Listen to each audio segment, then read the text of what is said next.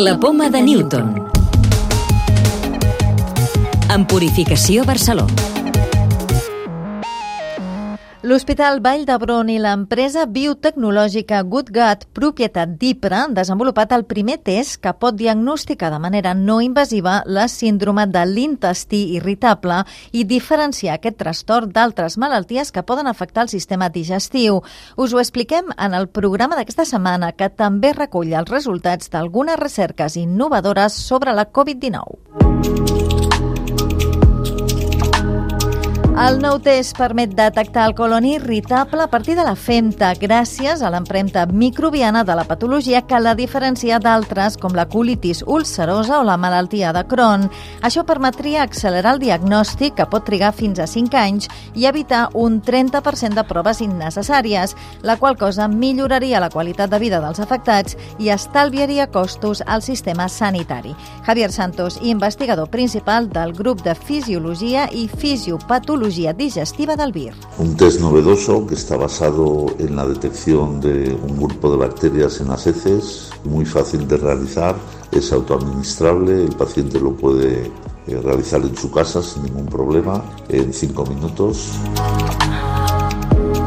Necesitamos entre dos y tres años para poder establecer un diagnóstico positivo porque hay muchas otras enfermedades de carácter más orgánico que pueden producir síntomas parecidos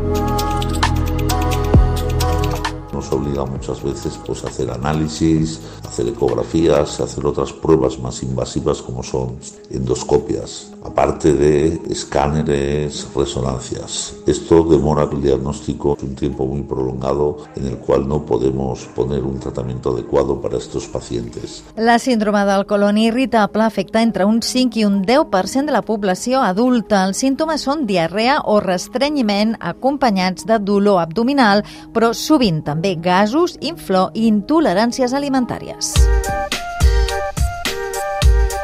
Més coses, una prova senzilla i de baix cost permet mesurar si una persona està protegida davant la Covid-19 amb immunitat celular, encara que no tingui anticossos contra el virus. El test semblant a una prova d'al·lèrgia es basa en el mateix sistema que el que s'utilitza per saber si algú ha estat en contacte amb el basil de la tuberculosi i ha mostrat una efectivitat de fins a un 98% per detectar immunitat davant la infecció. La prova consisteix en una petita punxada a la pell amb l'antigen de la proteïna S del SARS-CoV-2.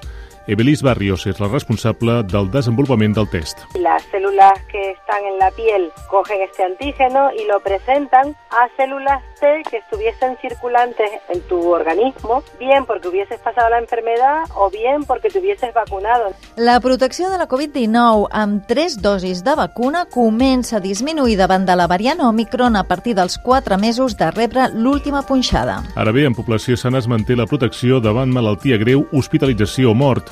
Adelaida Sarucan, immunòloga del Centre IS Global de la Caixa.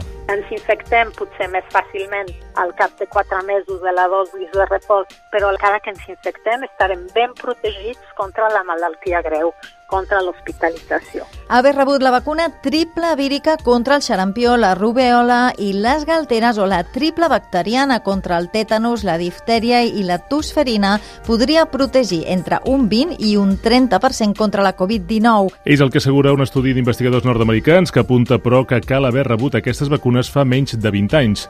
La raó d'aquesta immunitat seria que han trobat coincidències entre les cèl·lules immunitàries que generen aquestes vacunes i la infecció per Covid-19. Això fa que les persones vacunades amb la triple vírica o la triple bacteriana ja tinguin cèl·lules T de memòria capaces de fer front al SARS-CoV-2, la qual cosa també els aporta una certa protecció i evita que desenvolupin una malaltia greu.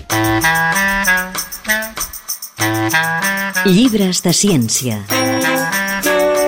Aquesta setmana us recomanem un llibre que ens descobreix tots els misteris del nostre sistema immunitari.